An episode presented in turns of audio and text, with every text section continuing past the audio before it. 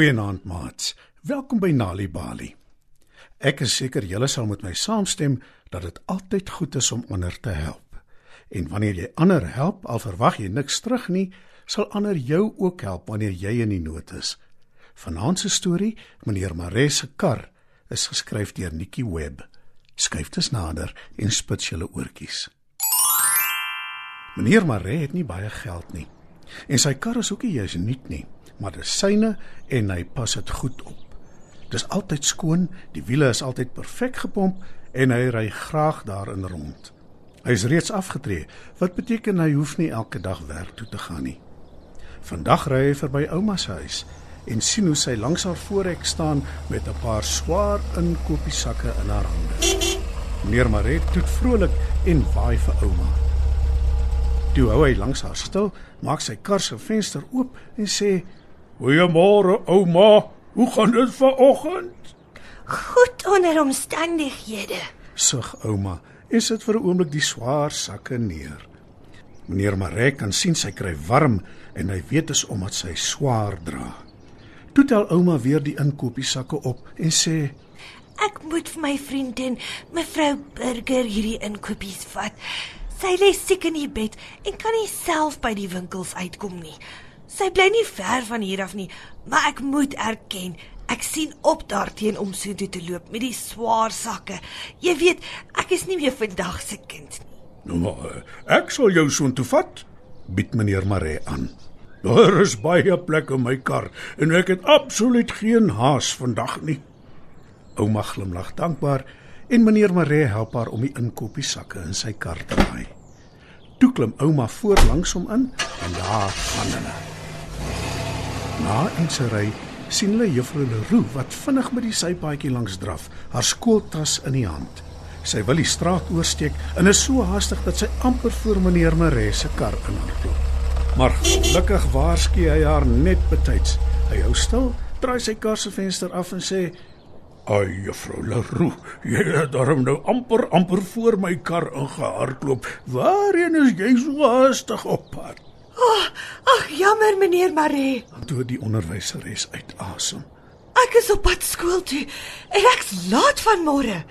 Om alles te kroon gaan my klas vandag op 'n uitstappie. Ek moet hulle op die bus vergesel en ek is bang hulle ryf my weg. "Spring in," sê meneer Maree. "Ek ry in elk geval verby die skool. Dis glad nie uit my pad nie." Juffrou Leroux bedank hom en klim agter in die kar in. Nadat hulle Juffrou Leroux by die skool afgelaai het, waar sy gelukkig nog betyds was vir die bus, ry meneer Maree en ouma verby 'n klein seentjie wat langs die pad op die sypaadjie sit. Stop! Roep ouma en wys na die seentjie.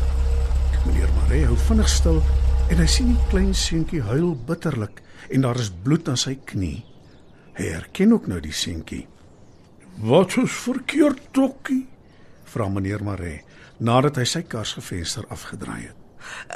Ek was besig om huis toe te hardloop, toe val ek en maak my knie seer. Snik Tokkie, "Maar kom, klim in, dan vat ek jou huis toe." sê meneer Maree en help Tokkie in sy kar in. Die seentjie is baie dankbaar en hou ook sommer op huil.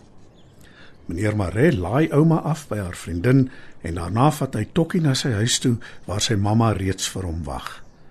Toe sy sien haar seentjie se knie bloei, bedank sy meneer Maree dat hy hom huis toe gebring het en sy vat Tokkie in die huis in om die knie skoon te maak en 'n pleister op te plak. Meneer Maree glimlag en trek weg. Hy het skaars 'n paar tree gery toe iets akligs gebeur. 'n Groot, deftige nuwe silwer motor jaag oor die stopstraat en ry in meneer Maree se kar vas. 'n Ongeskikte man spring uit die silwer motor. Hy het 'n deftige pak klere aan en swaai sy arms wild rond terwyl hy skree: "Jou onnoosel man, kan jy nie kyk waar jy ry nie? Kyk nou hoe lyk my pragtige duur motor." Meneer Marek kyk na die man se motor. Daar is 'n klein duik voor op die modderskerm. Toe kyk hy in afgryse na sy eie kar. Die skade is baie groot. Sy kar se modderskerm is gebuig, die voorste lig is stikkend en sy voorste band is ook beskadig. "Jy gaan hiervoor betaal en dit gaan nie goedkoop wees nie." skree die ongeskikte man en bal sy vuiste. Maar Tokkie en sy ma het intussen by hulle aangesluit. O nee. Sê Tokkie se ma. Ek het gesien wat gebeur het. Jy het nie stilgehou by die stopstraat nie. En die ergste van alles is, dit gebeur gereeld hier. As daar enigiemand is wat moet betaal, is dit jy. Ek het dit ook gesien. Beam Tokkie. Die ongeskikte man gee hulle 'n vuil kyk en sê: "Julle weet nie waarvan julle praat nie. Hy is 'n roekelose bestuurder. Dis hoekom die ongeluk gebeur het." Toe spring hy in sy huurmotor en jaag weg. Arme meneer Maree bly verslae langs sy kar staan. Dokkie en sy ma kom nader en beskou ook die skade aan sy kar. Ouma, wat op pad terug is huis toe van haar vriendin af, sluit ook by hulle aan. Hulle sien almal hoe hartseer meneer Maree is en hulle voel baie jammer vir hom. "Wat maak ek nou?" sê meneer Maree moedeloos. "Die skade is erg en ek het nie geld om dit te laat regmaak nie." Wag 'n bietjie. roep ouma.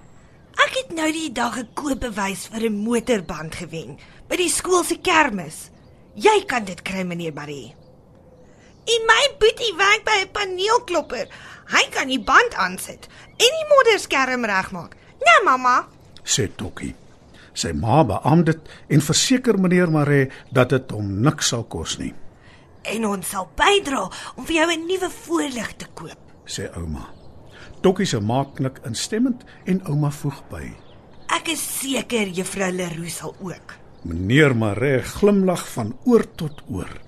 "Hey, julle, julle is almal so gaaf," sê hy. Jy is die gawe een, meneer. Jy is altyd bereid om te help sonder enige vergoeding. Dokkie en sy ma beamoed dit.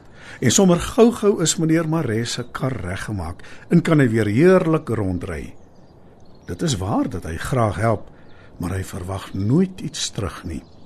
Maar hy is baie dankbaar dat sy vriende hom gehelp het. Wanneer kinders tuistories hoor, help dit hulle om beter leerders te word op skool.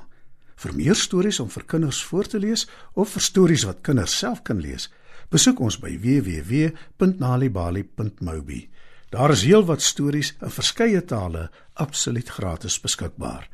Daar is ook wenke oor hoe om stories vir kinders te lees en met hulle te deel sodat hulle hulle volle potensiaal kan ontwikkel. Nalibali is ook op Facebook. En daar is Nalibali stories en aktiwiteite in bylaas van koerante. Story Power. Bring dit huis toe.